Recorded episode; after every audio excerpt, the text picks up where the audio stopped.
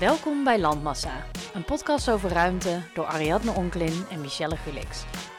We bespreken met een nieuwsgierige, kritische blik de gebouwde omgeving in al zijn facetten.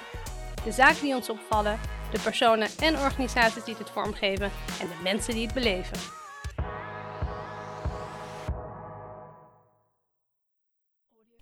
Nou, Ari, daar zitten we dan. Aflevering 1 van onze podcast. Yes! Kun je even uitleggen waar we zitten? We zitten op dit moment in eh, studio K2.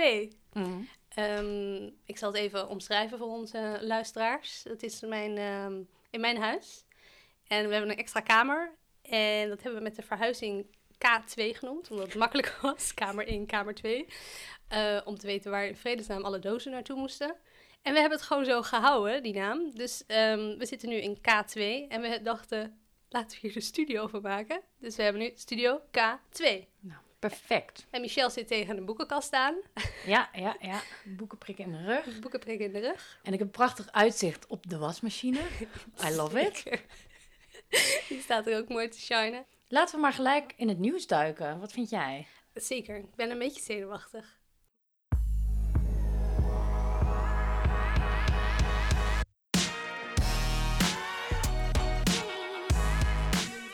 Hebben ehm, allebei wat dingetjes eh, gevonden deze Ja. week weer. Ehm, Het zijn vooral dingen die zijn opgevallen in het nieuws of die we zijn tegengekomen. Ehm, en daar gaan we het even ook met elkaar over hebben. gezellig. En eh, je hebt er vast wel over gelezen. Het is deze week heel erg in het nieuws geweest. Eh, er werd van alles over, over gesproken. Ook al een paar weken. En het is al iets wat heel lang loopt. Namelijk, Femke Halsema, gemeente Amsterdam, wil de wallen een keer goed aanpakken. En overweegt zelfs om de, eh de peeskamers, zeg maar, om die, eh, om die te verplaatsen naar een andere locatie. En Want wat is het probleem dan nu bij de wallen? Chaos. Nou ja, ik, eh, ik, nou, ik vind het eigenlijk wel interessant, want ik vraag me altijd wel af: is het nou eigenlijk de problemen met die prostitutie per se? Of is het gewoon niet een groter probleem eigenlijk van gewoon overtoerisme en de onwijze drukte daar eh, eh, op de wallen? Dus nu is het een beetje een, eh, een soort van pretpark. Ja. Zo, zo werkt het een beetje. Je hebt zelfs eenrichtingsverkeer, begrijp ik. Ja, en alcoholverbod is ingevoerd.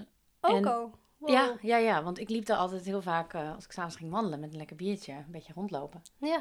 Ehm, nou ja, sowieso, kom jij er wel eens? Nee. Nee, alleen als ik eh, naar de Oude Kerk ga voor een expositie, ben ik per ongeluk op de wallen. Maar verder, ja, als Amsterdammer omzeil je gewoon natuurlijk dat hele Ja, gebied. nou, want- ik, ben, ik ga daar wel eens naar de kroeg of zo. Ja, Of, eh, of naar de karaokebar natuurlijk. tuurlijk. Ehm, maar het is wel echt, als je erop... Ik denk door de week, als je er overdag bent, dan is het oké. Maar op zaterdagavond, vrijdagavond niet te doen. Kun je inderdaad echt over de koppen lopen. Ja. En de vraag is dan ook of ehm, veel van de toeristen die er nu komen... die komen gewoon foto's maken, wat niet mag. Nee. Dus eh, de vraag is heel erg, hoe ga je dat oplossen? En een van de ideeën is dus om die prostitutie te verplaatsen... naar een, eh, bijvoorbeeld een prostitutiehotel... Ja. Dat is een voorbeeld uit Keulen. En eh, ik heb eens even opgezocht wat dat dan precies is. Het is een flatgebouw van 10 verdiepingen. Wow. Dus best wel hoog, gewoon een toren. En dat is helemaal bordeel. En in zeven verdiepingen heb je dan 126 kamers. Wow. Ja, eh, voor sekswerkers. En op de bovenste verdieping is een, een soort seksclub. Ja. Een soort, wat ik me daarbij voorstel, weet ik eigenlijk niet precies. Een soort van- een Maar een seksclub. partyclub met Eh, seks, denk en er is ook nog een nachtclub, een restaurant, een schoonheidscentrum, een boutique, een wassalon, een zonnestudio en een paar bistro's. Oh, wat gezellig. Dus als Je kan er een de hele dag eten- zijn. Ja, maar dat zou dus bijvoorbeeld een, een oplossing zijn. Of dat is een van de dingen waar ze naar kijken. En Want had Ja. Keulen een beetje hetzelfde probleem, dat ze dit hebben opgelost? Of heeft Keulen gewoon een heel grote succesformule? goede vraag, ik weet het eigenlijk niet. Ik denk dat ze het gewoon zo hebben opgelost ook. Dat er, want ik neem aan, eigenlijk heeft elke stad toch wel in het centrum van oudsher een soort prostitutiegebied. Ja, Tenminste, ik weet, in Breda had je dat ook. In Utrecht heb je het, in Amsterdam. Ja, je Ja. hebt dat overal. Ehm, en wat ik, maar ik denk wel dat Amsterdam wat dat betreft echt een geval apart is. Want ehm, er zijn denk ik weinig steden waar het, zeg maar, de prostitutiezone ook echt een toeristische trekpleister is. Ja. Waar zeg maar eh, eh, toeristen, gezinnen, die gaan daar zelfs kei- gewoon kijken omdat het iets nieuws is of zo. ja. En ik denk, ehm, Amsterdam is natuurlijk ook wel een bijzondere stad qua binnenstad, qua architectuur. Ja. Dus het is natuurlijk ook dat je... Het is een totaalplaatje. Het is uniek Ja. dat je in dit soort panden, op zo'n plek, tussen de grachten... Dat je dan Ja. van dat soort kleine schattige straatjes... Ja, ramen hebt met rode lampen en eh, sekswerkers achter de ramen. Dat is wel uniek natuurlijk. Ja, want ik was ook aan het denken vanuit een soort erfgoedperspectief. Ja. Ik heb het even opgezocht. Het is dus al sinds de 15e eeuw is het dus al een, een prostitutiegebied. Wow. En het is ook het oudste deel van de stad. En ik was ook aan het bedenken van, ik vind altijd dat Amsterdam, je hebt natuurlijk de grachten, maar de havenfunctie van Ja. de stad is eigenlijk niet heel, niet super zichtbaar, vind ik, Nee, eh, dat het ooit een haven was. En juist zo'n prostitutiegebied in het midden van de stad is echt zo'n eh, onderdeel van die historie. onderdeel van Ja. die historie. En ik dacht ook, als je dat daar weghaalt, is het ook wel een soort erfgoed dat je. Weggehaald. Ja. En ook bijvoorbeeld, ik dacht zo'n hotel. eh, want wat nu wel, in, wat ik altijd wel interessant vind aan de Wallen is als je er naartoe gaat, is dat het in ieder geval een gemixt gebied is. Ja. Maar als je naar zo'n prostitutiehotel, dan moet je dus een soort drempel over om een gebouw binnen te gaan. Ja, je gaat echt voor een bepaalde functie Je gaat naar dat doel. gebouw. Dus ja. dan krijg je niet meer die toeristen. Is dat goed? Is dat niet goed? Ik denk voor het werk misschien beter. ja, want ik denk dat, ik Meer weet het niet, maar de, de mensen die achter de ramen staan, ik weet niet of ze het chill vinden dat ze gewoon hoorders mensen langs krijgen, foto's maken. En ik geloof ook dat hun omzet een beetje aan het dalen is. Ik weet het niet zeker, maar zo'n beeld heb ik. Dat door die toeristen, dat je, je hebt wel meer bezoekers, maar echt werk levert het niet op. Nee. En toen vond ik, nou, dat dacht ik dus ook. Van Ja. nou, die moeten daar ook blij mee zijn. Maar 93% van de sekswerkers zegt niet te willen verhuizen. 93%. Oh, dat vind ik heel veel. Ja, Waarom? Hebben ze daar ook nog iets van een toelichting op? ik denk omdat, ze dus, omdat het zo'n gemixt gebied is. En omdat ze er al jaren zitten naar tevredenheid. Ja, Maar dan dacht ik wel, welke sekswerkers hebben ze dan geïnterviewd? Want het is ook, dat is ook altijd die vraag van wat... eh, Ja, zitten mensen er nou vrijwillig. Werk je daar voor je plezier of werk je daar gedwongen? Ja. Who knows, want dat kun je heel moeilijk volgens mij onderzoeken. Ja. Maar het is dus een soort interessante vraag, ook vanuit stedenbouwkundig opzicht, vanuit erfgoed, Ja. denk ik. En ook gewoon, een, vooral is het denk ik gewoon een sociologisch vraagstuk. Ehm, maar tegelijkertijd is Den Haag er dus ook mee bezig. Oh, Misschien heb je dat ook gezien. Ehm, die hebben dus al een heel plan gemaakt, samen met Uni Studio, eh eh, architectenbureau uit Amsterdam.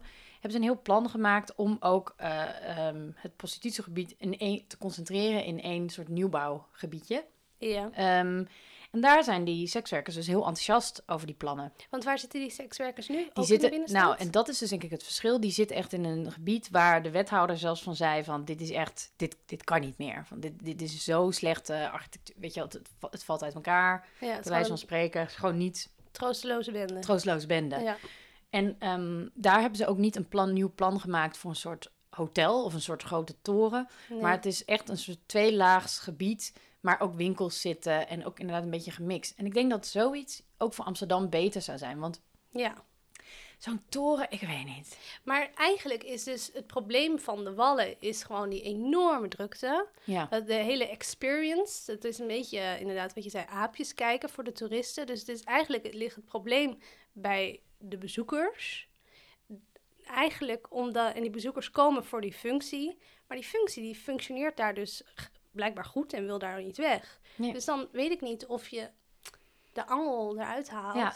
en dan is ook nog de vraag, waarom willen ze nou juist die prostitutie aanpakken? Je kunt ook denken, de hele wallen zit ook vol met eh, eh, snackzaken en bijvoorbeeld heel veel kroegen. Ja. Heel veel dronken mensen is juist ook een probleem daar. Ja. En het is dus best wel gek om één beroepsgroep eigenlijk dan, ja, die halen we dan maar weer weg. En dan is het hele probleem opgelost. Ja. ja dat is het niet. En ook, is het niet gewoon een hang naar, we willen deze, dit gebied gentrificeren en we willen het gewoon oppoetsen? Wat natuurlijk in heel veel plekken in Amsterdam al is gebeurd. Ja, dat zou kunnen. Dus ik vind het een hele, eh, su- het is echt een mega vraagstuk. En Ja. ik ben ook benieuwd hoe ze dit, vooral hoe ze dit ook aanpakken en hoe ze dit, hoe, wie maakt zo'n beslissing? Ja, en kan je al die mensen verplichten om hun... Ja, dan moet je het bestemmingsplan aanpassen, denk ik. Om, om daar, zo maar zeggen... Wat zou de bestemming zijn? Wel- wel- Welke, heeft dat een bepaalde code of zo? Is het, eh, Ik denk het, ik weet het niet. Maar hoe kan je al die mensen die daar werken, die daar hun toko runnen, verplichten om weg te gaan? Dat is best wel, eh, best wel heftig. ja, En vooral één beroepsgroep. Ja. Van zijn zij nou echt, is dat, los je het daarmee op? Is dat het probleem? En ook, oké, zie jij het al voor je dat ze de plannen gaan maken waar dat nieuwe gebied komt? Eh, ik, ik, eh, ik denk dat het heel lastig wordt om dat in, eh, nou ja, waar zal het zijn? ja, aan de in rand, de- van, aan de de rand stad van de stad. gooien, denk ik. Ja. Wie is daar, welke wijk juicht dat toe? Ik weet het niet. Ik weet het ook niet. Oh, ik vind het wel een heel lastig vraagstuk. Het is mega ingewikkeld. Want het, en ja, ik vind het dus heel interessant dat ze dus vooral kijken naar dat Keulse model van Ja. die toren. Terwijl ik eigenlijk denk dat het voelt een beetje vreemd, want het is een totaal on-Amsterdamse de situatie is heel de anders. in situatie is heel anders. Ja, Het, het totaalplaatje. Ze kijken enkel naar de functie in plaats van naar het totaalplaatje. ja. En ik las laatst dat ze ook eh, op de gracht, daar gaan allemaal mensen in de zomer een beetje lopen hangen, een beetje bier drinken. ja. Dat ze daar nu ook hekwerk hebben geplaatst, zodat mensen niet meer kunnen hangen en gaan bier drinken. Ik weet niet wat. ja, dat is ook gewoon om de toeristen, denk ik, eh, te voorkomen dat ze gaan hangen en de boel bezet houden. Maar ja, wat moet je nou met die grachten? Eh, met, de, met de wallen bedoel ik. Ik ben blij dat ik geen burgemeester ben op dit moment. Echt, hè? Maar ik vind het aan de andere kant ook wel heel stoer hoor, dat, dat er eindelijk is, dat er wel gesignaleerd wordt, er moet gewoon iets gebeuren. er moet iets gebeuren, ja. Ehm, Prima om daarin te experimenteren, want je bent als Amsterdam uniek met deze situatie, dus je mag zeker wat proberen. Ehm, ik ben benieuwd wat de andere scenario's zijn geweest, want eh focussen zich nu op Keulen. Dus er is vast ook nog ander onderzoek geweest. mhm. Wat waren de andere scenario's? Geen idee. Ik hoop dat en dat wordt niet ook- naar buiten gebracht. Nee, ik hoop dat ze dat ook naar buiten brengen. Ja, heel interessant. En ook, ehm, trouwens, nog een vraag. Dan haal je daar die peeskamers weg. Wat komt er dan in de plaats? Nog meer Nutella-winkels? Nog meer kroegen? Woningen? Ja, Of gaan we het weer opvullen met... Gaan we weer de, cre- de creatievelingen inzetten om, om een gebied eh, eh, te- gentrificeren. ja. Gaan we weer subsidies uitdelen in de hoop dat er weer iets dat, anders dat er gebeurt. iets creatiefs gebeurt. Ja, Interessant. interessant. En Ja. ik ben echt heel benieuwd hoe dit verder gaat. Dus we houden het gewoon in de gaten. Als er meer bekend is, eh, dan gaan we het er weer over hebben.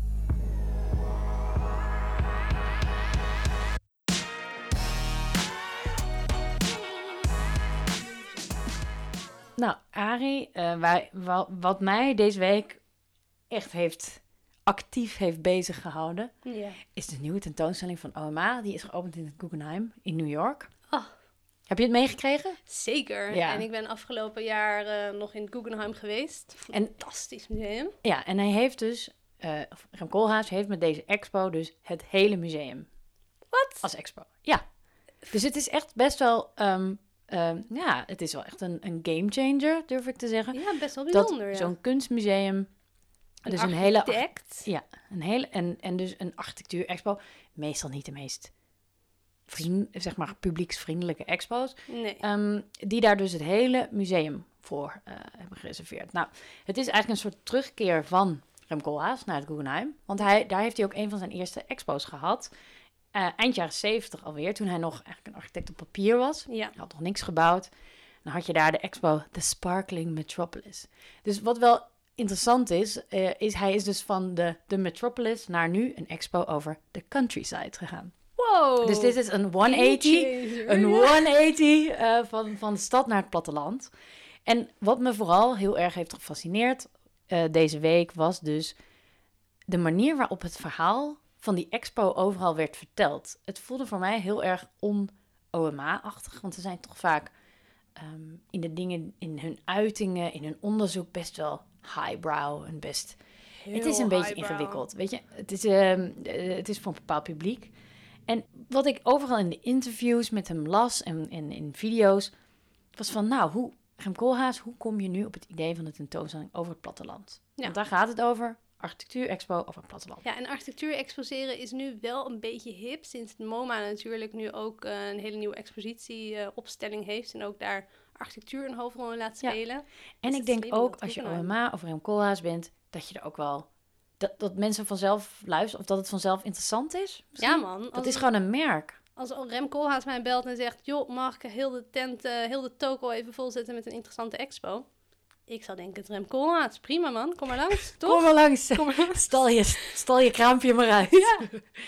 nou, en wat ik zo grappig vond dus, is dat eh, wanneer hij wordt gevraagd van, nou, hoe, hoe kom je nu ineens bij het platteland?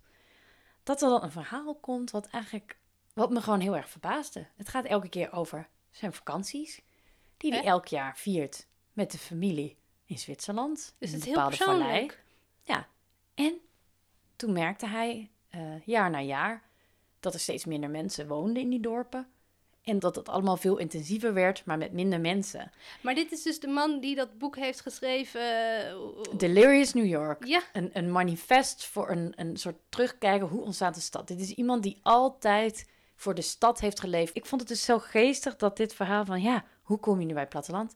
Ja, omdat hij dat elke zomer op vakantie zo zag veranderen. Hè? Toen dacht ik, oké, kan. Het, wat heel- me verbaast en ook de hele communicatie over deze expo... Ik ben er natuurlijk nog niet geweest, helaas. Ik zou het graag toe willen ja. is dat het dus ook de hele tijd gaat over. Ik, ik heb het platteland ontdekt. Het is heel persoonlijk. Ja, en ook een beetje, Beetje elitair. een beetje heel elitair. Ehm, en eh, wat ook, wat ook heel veelzeggend was, in de New York Times hebben ze ook een heel artikel erover gedaan, een interview met hem. En Michael Kimmelman, de, de architectuurrecensent daar, die begint het hele stuk met: Dit is een tentoonstelling over waar de overige 98% van de wereld woont. Dus dat zegt al vanzelf dat de blik van deze tentoonstelling is de stedeling Kijkt. richting het dorp of het platteland. Oh, het is een beetje denigrerend, toch? Ja, en, ik, en toen ging ik ook eens opzoeken. En dan inderdaad, Rem Koolhaas, geboren in Rotterdam, woont in Rotterdam en nu geloof ik in Amsterdam. Eh, iemand die echt uit de, weet je, de ultieme eh, eh, promotor van de stad, die nu eens ehm, het platteland gaat bekijken. Ik denk, en, ik was op vakantie. Dit is ook wel interessant. Laat ik er een extra ja, van en, maken. en, ja. ehm, en wat ik, één aspect wat ik er wel heel interessant aan vind en waar ik heel benieuwd naar ben, is dat hij het heel erg heeft over ook bijvoorbeeld die, het fenomeen van distributiecentra en mega, mega factories. Dus echt die hele grote boerderijen, zeg maar. Nou, het zijn eigenlijk geen boerderijen meer, het zijn inderdaad fabrieken voor voedsel. En dan noemen daar dan post-human architecture. Dat vind ik wel, het is een interessant fenomeen. Dat Ja. dus buiten de stad nu ineens een soort nieuwe typologieën ontstaan van soort mega geïndustrialiseerde eh, eh, gebouwen eigenlijk. Waar dus inderdaad weinig mensen van, eh, in werken, maar die gewoon heel erg op, op efficiëntie zijn ingezet en dus niet op menselijkheid, maar eigenlijk op, ja, op het produceren van dingen. En dat dit het platteland inkomt. Ja. Dat vind ik een interessant aspect. Maar ja, ik vind het dus een beetje een problematische invalshoek verder. Ja, het is um, echt een, eh, Ja. vreemd dat hij die blik van de stad op, op, op het platteland... En Het is ook een beetje ook- naïef bijna. Ja. Ehm, van ja, ik heb het platteland nu ontdekt. Zo komt het op mij over. En hij is best wel, eh, dit nieuws is best wel heel erg groot verspreid. Het was overal te lezen. Ja. Hoe, eh, hoe komt hij er vanaf verder in de pers? Ja, nou, eh, wat, ik een, wat ik een heel mooi artikel vond was eh, in The Guardian. Eh, dat, die waren ook inderdaad wel mild kritisch, durf ik te zeggen. Ook inderdaad, die, die benoemden ook dat, dat het een tikje problematisch is. dat, dat kijken vanuit de stad naar het platteland. Ehm, en die begonnen ook het artikel. Die hadden nog betere zin dan die other 98%. Die hadden dus... Oké, dit is... Ik heb, hem, ik heb hem ook op mijn Instagram gepost... omdat ik het zo'n prachtige eerste zin voor het artikel vond. Het was... Oké. It was while visiting a brothel on the outskirts of Reno, Nevada... that Rem Koolhaas had his latest epiphany. en vervolgens wordt het wel toegelicht. Maar ehm, ja, eh, daar, eh, daar geeft Rem Koolhaas ook aan van... Ja, ik heb... ehm, ik ben nu geïnteresseerd in het platteland om dezelfde reden dat ik ooit naar New York keek in de jaren 70, omdat niemand anders daarnaar keek. Oh my god, hij wil weer een nieuwe eh, fenomenen ontdekken Ik of ben zo. echt, eh, ik weet niet wat, ik, ik ben eigenlijk een beetje kritisch erop. Terwijl ik echt, ik ben een fan. Ik ben een fan. Tuurlijk. Wie is En er geen ik, fangirl ehm, van Koolhaas? Ik vind het dus niet zo relaxed. Maar ik denk ook, ik heb het idee dat hij gewoon, dat dit een beetje zijn zwanenzang is. Dat hij, dit is zijn, zijn, zijn mooie afsluiting. De grootste expo in het Guggenheim. Veel groter gaat het niet worden. Van stad is hij naar platteland gegaan. Ik denk dat hij gewoon ehm, weer journalist wordt of onderzoeker of iets dergelijks. Want het gaat ook eigenlijk grotendeels helemaal niet over architectuur, deze expo. Nee. Het gaat gewoon over een blik op het platteland. Ja, dus terug naar, naar, naar de kern waar hij ooit mee was begonnen. Schrijven over, over stedelijke Ja. ontwikkelingen. Ehm, en, maar dit heeft hij niet allemaal zelf bedacht, toch? Hij heeft toch heel veel mensen, want we hebben het over Ja, OMA. Dat, ik, ik noem steeds Rem Koolhaas, maar het is natuurlijk zijn hele bureau. Ja. Al staat hij wel, ehm, ik geloof, steeds meer op, een beetje op afstand van de ontwerppraktijk. ja. Dus dat hij zich steeds meer met het onderzoek en de achtergronden. Hij heeft bijvoorbeeld ook een aantal jaar geleden de Biennale in Venetië eh, gecureerd. Eh, maar dat doet hij altijd wel natuurlijk in samenwerking met een team. Ja. Maar goed, hij is natuurlijk het, het gezicht dat, eh, dat bij het Huis aan tafel zit. En dat in al die portretten wordt, wordt ge- gefotografeerd. En, Ja. en, eh, en wordt geportretteerd. Ja. Wat ik wel, ik wil wel even iets heel positiefs over deze expo zeggen. Vertel. Namelijk de promo-video. Heb jij hem gezien? Tuurlijk heb ik hem gezien. Ik vond het echt goud. En hij laat zich gewoon, eh, dat verbaast me dus ook. Vertel even, hoe ziet die promovideo eruit? Nou, het is fantastisch. Er zijn slow-mo beelden van Rem Koolhaas die in een soort wit pak een soort truck uitstapt. En ik werd gewoon helemaal blij ervan. ik dacht, wie dit, wie dit heeft gemaakt, is echt briljant. Want het is volgens mij echt geen makkelijke man om, om, om zo, om met zo'n video mee te laten werken. nee, dus je zet ze maar tegen de ultieme Het is geen. Bjarke Ingels, zeg maar. Die, Ja. die, die architect van Big, eh, Denemarken. Ja, dat is een soort PR-goud. Die man, die, die zet je voor een camera en die, en die shined. eh, nou ja, eh, je moeder en de buurvrouw vinden het fantastisch. Ja, Maar Rem Koolhaas is nou niet per se de meest toegankelijke man. toegankelijke man. Ja. ja. Dus En die video was echt top. En op het einde is denk ik een soort testbeeldje. En dan, are you ready? Vraagt man. Dan zegt hij, yes. dat is echt top. Het is gewoon heel, is een beetje zo'n blik in de camera. Ik leef ervoor. Ik wil nu naar Guggenheim, want ik ben heel benieuwd hoe ze dit hebben Ik ook. geëxposeerd. super, want ik ben nu dus best wel een beetje kritisch erop. Maar kijk, ik heb het natuurlijk niet gezien. Nee. Maar wat ik ervan lees, ik, ik vind het eh, qua uitgangspunt een tikje problematisch, geloof Ja. ik. En hoe ga je dit exposeren? Hoe, hoe ga je dit verder brengen dan foto's en kaarten? Ja. En, Want dat is ook het risico vaak van die architectuurtentoonstellingen. Het is gewoon een boek op een wand. Ja. Lekker veel tekst, foto's. mm, en dan drie maquettes, weet je wel. En hoe toegankelijk kan je het maken? Ja. ja, ook nog een vraag. Ja. Nou, ik ben benieuwd als een van onze luisteraars misschien naar New York gaat of al bij die expo is geweest. We're dying to know. We Bel weten. ons, mail ons. We willen weten hoe het was. Ja, heel graag.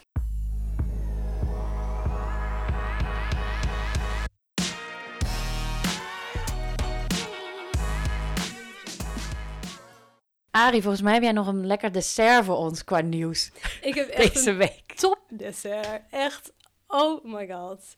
We hebben op, natuurlijk... kom maar. eh, kom op. We hebben natuurlijk onze westerburen in eh, Amerika.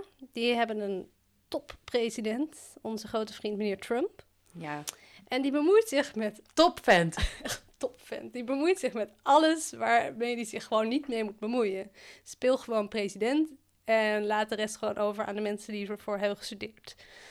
Ehm, zo, nu wil hij zich dus ook gaan bemoeien met de architectuur van overheidsgebouwen. Nou, Ik heb, ik heb wel eens een paar foto's gezien van zijn, eh, van zijn eigen huis, van de interieurs. Ik moet zeggen, dat belooft niet veel goed voor de Belooft architectuurpraktijk in de Verenigde Staten. Alles is goud in zijn huis, hè? Niet normaal. Ja, zeiltjes Het is een soort- overal. Lodewijk de 14e, ach- een soort Versailles gewoon. Een soort van de zonnegod eh, in New York. Wauw. Ja, hij is zelf natuurlijk ook altijd een beetje getant. Dus eh, door de zonnebank. Flauw. Hij is letterlijk een zonnegod. Hij is letterlijk de zonnegod, inderdaad. Nou, dit, eh, dat principe wil hij dus ook heel graag toepassen op de overheidsarchitectuur. Hij, eh, hij gaat aankomende maand komt er een voorstel te liggen waar hij een klap op mag geven. met de titel Making Federal Buildings Beautiful Again. Wauw. Echt een toptitel.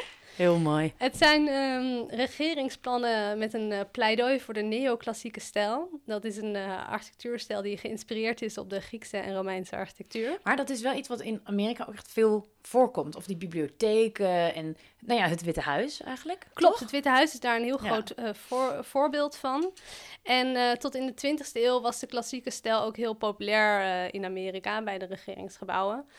En inderdaad bij beurzen, musea en dergelijke. Maar het was mode, dus het was hip en het werd niet opgelegd. Nee. En eh, de laatste jaren en decennia hebben ze gewoon ook andere architectuur laten floreren. Want de overheidsgebouwen zijn natuurlijk een weerspiegeling van de cultuur en van Amerika. Ja.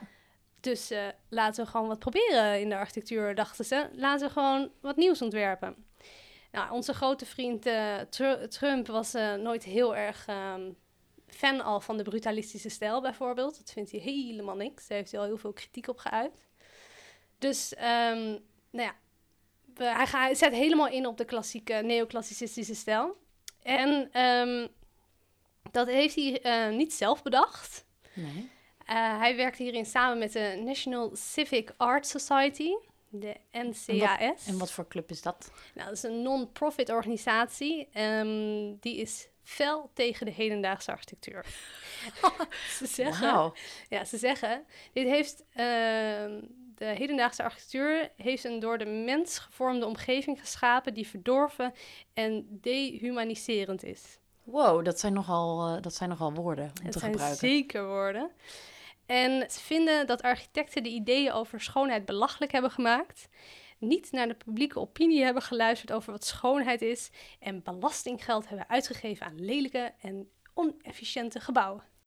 Maar uh, de kans is dus heel groot volgende maand dat Trump de, uh, zijn grote vrienden van de NCAS volgt. Want ze hebben een hele grote vinger in de pap.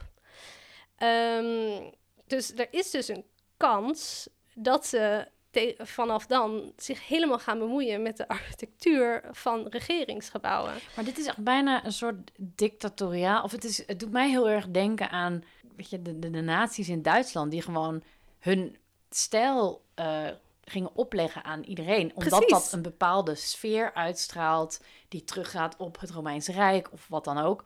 Precies. Ik vind het een beetje eng ook. Het is gewoon eng. Vind ik ook. Vind ik ook. Ja, en ze willen dus. Straks gaat hij ook de moderne, de hedendaagse kunst uh, uh, uh, iets opleggen, weet je wel? Hij heeft wel die macht om dat te doen, blijkbaar. Blijkbaar, blijkbaar. Maar Zou wat... dat in Nederland kunnen? Volgens mij niet. Nou, je, je weet het niet, hè? Zeg nooit nooit. Maar geef gewoon. Je hebt architecten die hebben hiervoor uh, gestudeerd. Die voor, ja, maken gewoon architectuur die past bij de tijd van nu.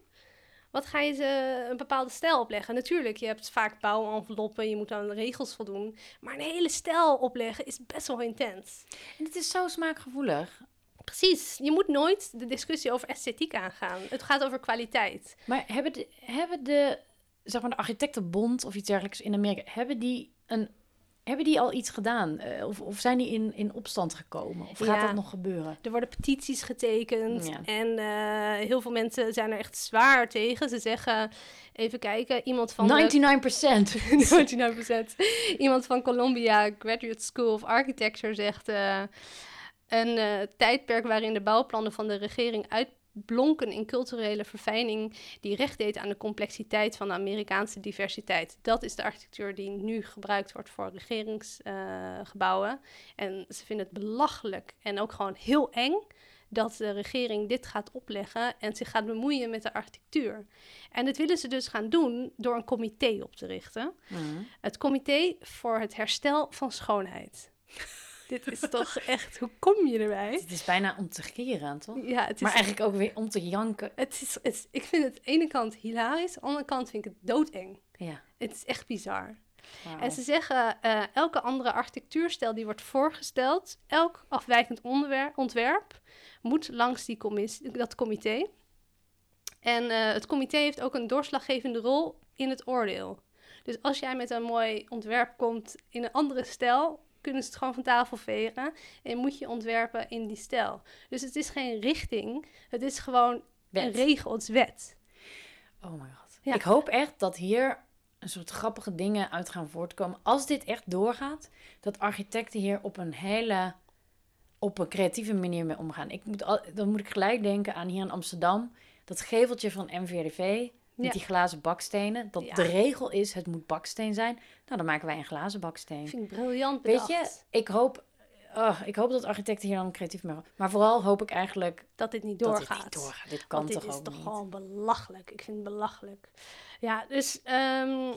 Aan de andere kant, oké, okay, even van de andere kant bekeken. Als je bijvoorbeeld het nieuws volgt, ook in Nederland, hebben we het weer even over OMA, maar Rijnstraat, uh, dat pand in Den Haag, waar ook zoveel kritiek op is geweest. Dat overheidspand, dat aan de binnenkant een soort evil headquarters is, met, uh, waar niemand blij mee is.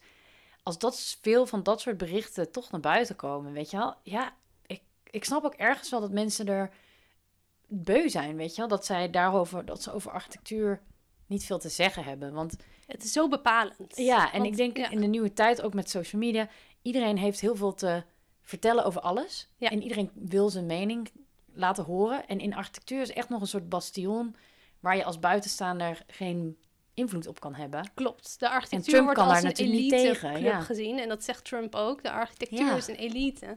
Eh, maar dan denk ik, geef die architecten kaders mee. Ja, Eh, regels waaraan ze zich moeten Ja, v- v- helemaal mee behouden. eens. In plaats van een hele stijl. Ja, en ehm, ik had nog iets hilarisch. Oh ja, Trump is natuurlijk gewoon die man. Die, waar ken je hem van? Wat is zijn grote gebouw? Dat is de Trump Tower in Ja. New York. Welke stijl is dat? Dat is heel modernistisch. ja. Het is toch raar dat hij nu zelf dat hele neoclassicistische erop gaat knallen. Misschien omdat hij nu heel erg fan is van zijn Witte Huis. Ik weet het niet. Maar ja, als deze, als deze regel dus aan wordt genomen, dit plan, dan heeft het dus echt wel eh, grote gevolgen voor eh, het uiterlijk van, eh, van de regeringsgebouwen, van de regering van Amerika.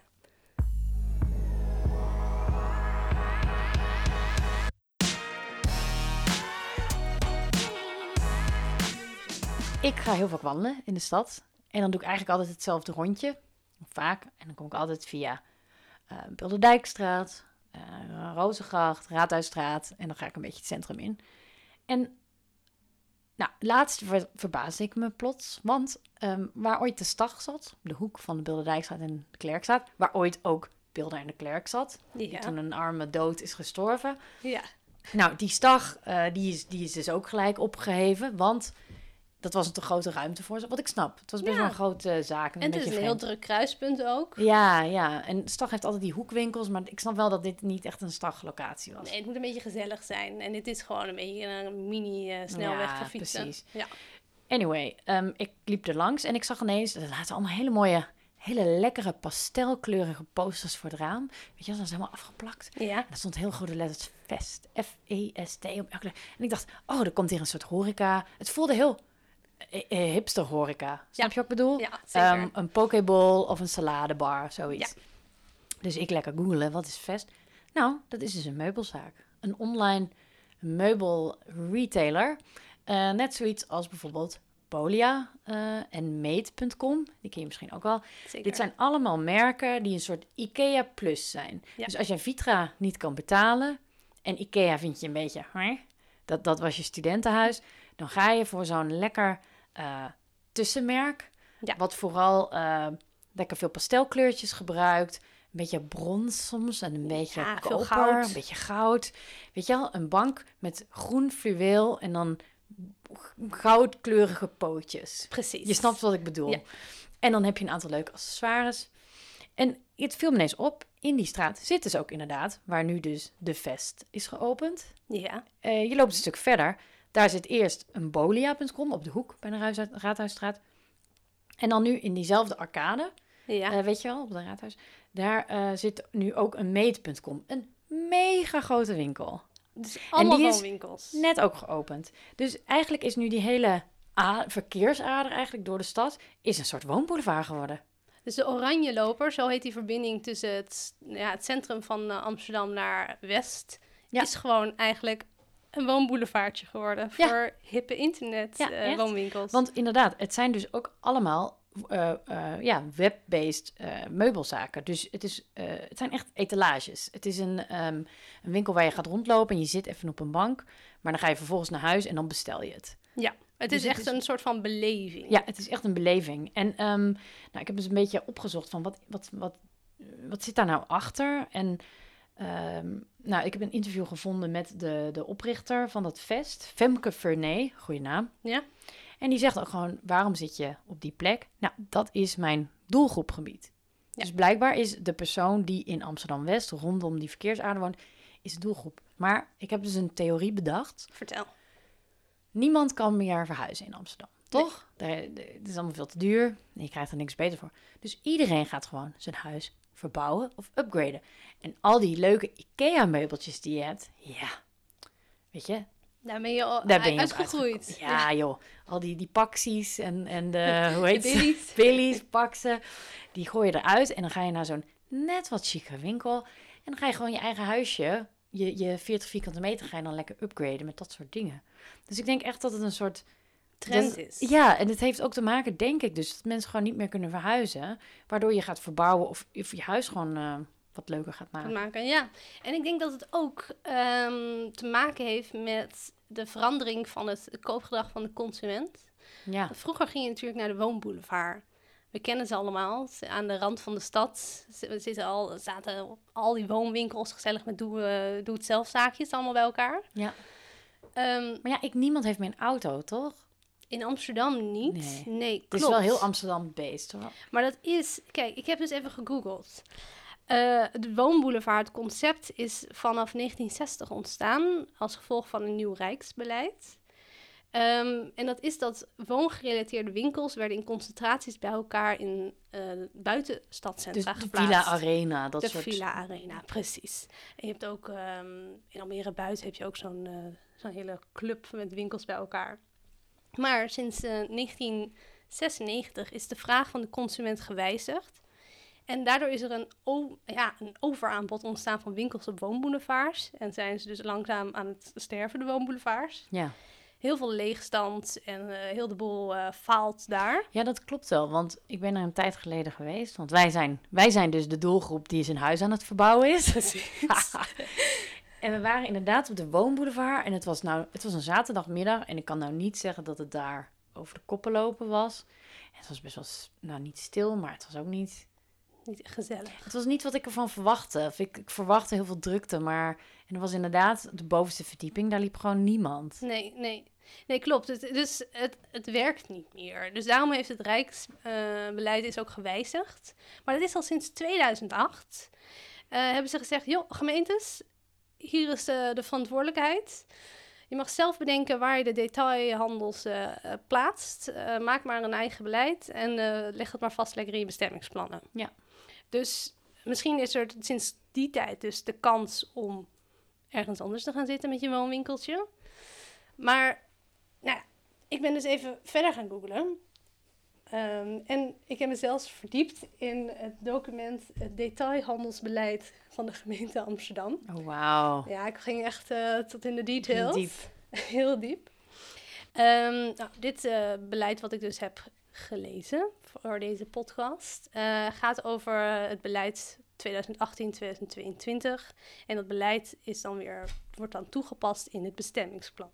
En we hebben het nu hier over bestemmingsplannen van Alme- eh, Ehm, nou, de gemeente constateert ehm, dat de consument steeds meer gaat kopen op het internet. Nou, eh, hadden wij natuurlijk ook al lang in de gaten Ja, als ja. eh, consument. Ehm, in 2014 kochten we nog maar 11% van onze aankopen via internet. En dat was twee jaar later, in 2016, was het al verdubbeld naar 22%. Wow. We zijn nu vier jaar verder. Ehm, geen idee, dat zal vast wel verder gegroeid zijn, maar Ja. die statistieken hadden ze even niet. Ehm, en daarnaast is de beleving, de winkelbeleving, is dus heel belangrijk geworden voor de consument. Ze willen gewoon, ehm, winkelen is een vrije tijdsbesteding. Eh, dus er worden steeds hogere eisen gesteld aan het winkelen, het recreatief winkelen. En dan is het onderscheid van een winkel, het karakter, de sfeer, de service is heel bepalend. Nou, dit sluit precies aan op die woonwinkels. Als je Ja. die Bolia ingaat, Ja. je komt binnen en er wordt je gewoon een kop koffie aangeboden. Echt? En echt lekkere koffie. Gewoon wow. een cappuccinootje of zo. Maar Niet en, en. Nee, nee, nee. En echt le- lekker en niet in een papieren bekertje. Gewoon, fancy. gewoon fancy. En die vest, weet je wat zij dus hebben? Dit is Nou. echt briljante marketing. Daar kun je dus een uur reserveren om een bank te testen en tegelijk gewoon een leuke film te kijken. Niet. Briljant. Ja. Dit is echt Maar dit is precies die lijn van, daarom, het zijn echt etalages. Het is Ja. gewoon, het gaat totaal om die beleving van dat merk. Je wilt aanraken, je wil het, je wil het Ja, vasthouden. Je maar ik heb geen zin om daar, en dan de aankoop doe je dan online. Ja, dat doe je dan online en het wordt dan ook nog thuis bezorgd. Dus je hoeft Ja. niet zelf te slepen met zo'n bank. Dat is natuurlijk... Heb jij wel eens wat gekocht bij die winkels? Ik Ja, wel. ik ook. Ja, wat heb jij Ik gekocht? heb een bank gekocht. Oh, echt? bij welke? Meet. Nee, ehm, niet van een van die drie. Een eh sofa company. Sofa Oh ja, dat is ook een. Ja, Dat is ook zo een, ja. Ja. ik heb laatst een, eh, een wasrekje besteld bij Meet.com. Fancy. Ja. Dus jouw was gaat aan een mooi, eh, mooi rekje Ja, knalgeel. Best Oh, leuk. dat is best wel vet. Ja.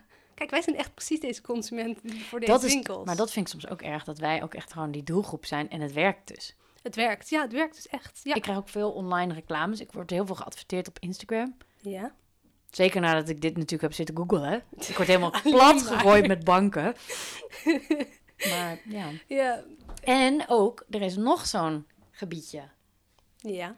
Van Utrechtstraat naar Van Wouw. Daar zit ook een Bolia. Ja. En die Vest heeft er dus ook weer een. Heeft er ook één, klopt. Maar degene die eigenlijk de trendsetter of het experiment was uh, voordat dit allemaal ging lopen, denk ik wel dat het Hutspot was. Want die zit op beide plekken. Die zit zowel in de Ja. Van Wouwstraat als in de Roosgracht. Als op de Ja, Roosgracht. dat klopt. Ja. Misschien is het eigenlijk wel meer... Misschien gaat het helemaal niet zo over die woonwinkels... maar is het meer dat die stadstraten... dus die beetje drukkere verkeersaders van de stad... Ja. Dat zijn de enige plekken waar gewoon retail nog kan werken. Ja, want het gaat om de sfeer en het karakter. Dus de omgeving eh, bepaalt ook of een winkel gaat werken of niet. En de gemeente heeft daar nu ook dus een nieuw beleid voor. Ehm, er is dus gewoon een trend, speelt er in de detailhandel, dat ehm, vooral in het directe centrum, dat daar veel vraag naar is, naar deze winkels.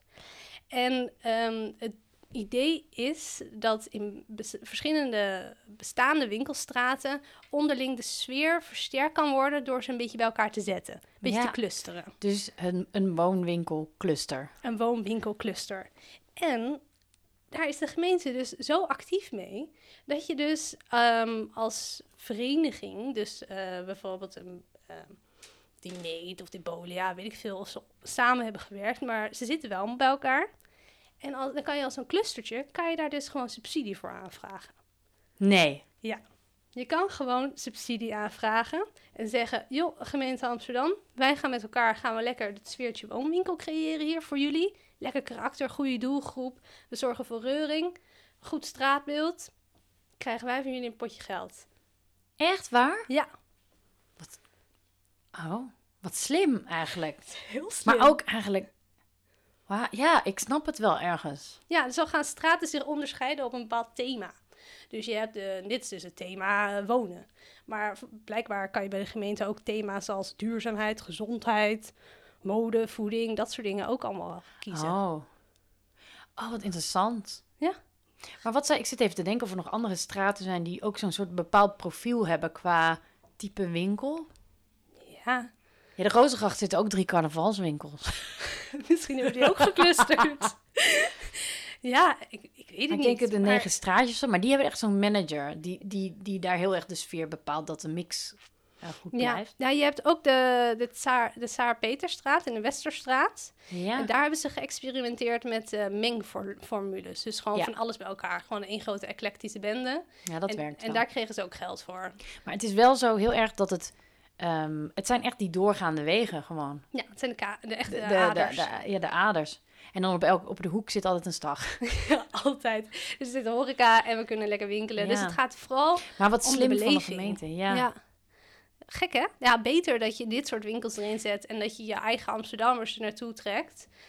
Ehm, die gewoon lekker komen wandelen of op de fiets en dan lekker dingetjes gaan aanraken en bekijken en kopen. Ja, het is ook echt heel handig. Want ja, als je je huis gaat inrichten... Het is eigenlijk een soort woning, woonboulevard, maar dan eh, in het straatbeeld. Zeg maar Ja. in, wat ook veel meer van nu is. Sowieso die hele, die hele grote terreinen buiten de stad. Ja. Dat, dat loopt sowieso niet meer. Mensen Nee. hebben daar geen behoefte aan. Mensen Niemand willen heeft meer een auto, ook in En Amsterdam. wil, nee, en je wil daarna ook gewoon een, een lekkere bak koffie drinken op een leuke plek. Nou, Ja. dat kan daar wel. In plaats van dat je aan de snelweg zit met uitzicht eh, Ja. op, weet ik veel wat, op andere lelijke bedrijfspanden. Ja, ja. Tussen de kubussen.